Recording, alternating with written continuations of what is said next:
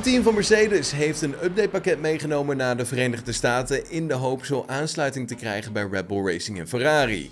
Teambaas Toto Wolff die liet eerder al weten geen wonderen te verwachten, maar hoopt zowel dat de grootmacht een stap vooruit kan zetten. Mercedes kent een verwaarloosbaar seizoen in de Formule 1. Na jaren van dominantie is met de W13 de plank toch wel een beetje misgeslagen, waardoor het nieuwe tijdperk van de sport voor de zilverpijlen geen vliegende start kent. Het gat naar Red Bull Racing en Ferrari verschilt toch wel per circuit, maar is nog altijd niet gedicht.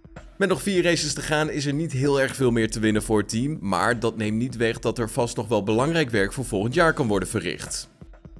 Dit is onze laatste stap in de aerodynamische ontwikkeling en dat zal ons hopelijk wat meer performance geven, zo zegt Andrew Shovlin. Maar het belangrijkste is dat we met elke stap meer leren en die kennis kunnen we meenemen naar volgend jaar. Er zijn een paar onderdelen waar we wat gewicht uit hebben gehaald, waardoor de auto hopelijk dichter bij de gewichtslimiet komt.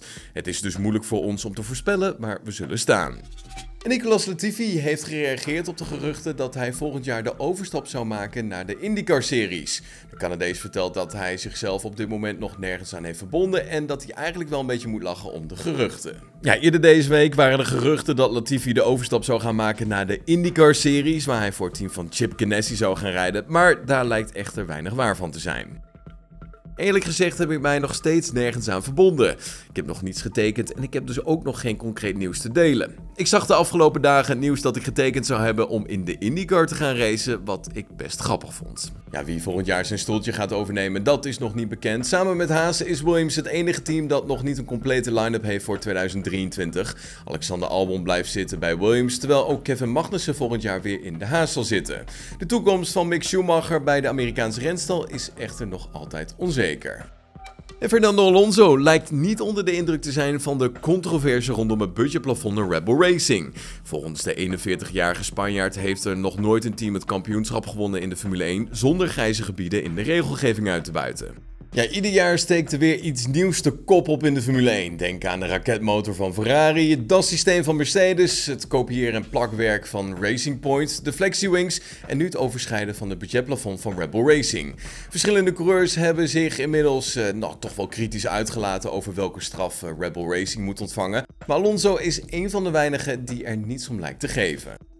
Het budgetplafond in de Formule 1 is nieuw, maar er zijn altijd dingen geweest die je kan onderzoeken. De zogenaamde grijze gebieden. Mensen die kampioenschappen hebben gewonnen, hebben dat altijd gedaan door gebruik te maken van die grijze gebieden. Andere teams kopiëren het om op hetzelfde niveau te komen, of hetgeen waar het over gaat wordt na een aantal races verboden. En dat is de aard van de Formule 1, want ja, ik kan me geen team herinneren dat het kampioenschap won en geen element heeft uitgebuit waardoor een ander team verrast werd. Denk aan Braun, Red Bull in 2012 of de dominantie van Mercedes. En Ferrari dan, die won twee races in 2019 met iets waarvan iedereen wist dat het niet legaal was. En toen is er ook niets gebeurd. Ja, die twee overwinningen die mochten ze houden. Ja, stel je voor dat je met die motor het kampioenschap had gewonnen. Al Fernando Alonso. Ja, het raceweekend wordt vanavond onze tijd afgetrapt om 9 uur in de avond. Dan is het namelijk tijd voor de eerste vrije training. De tweede sessie vindt in onze tijd officieel pas zaterdag plaats. Deze gaat om 12 uur s'nachts van start en zal een half uurtje langer duren vanwege de Pirelli bandentest. De derde vrije training gaat ook op zaterdag van start om 9 uur s avonds, terwijl de kwalificatie om 12 uur van start zal gaan. Ook op de zondag gaan de lichten om 9 uur Nederlandse tijd uit voor de Grand Prix van de Verenigde Staten.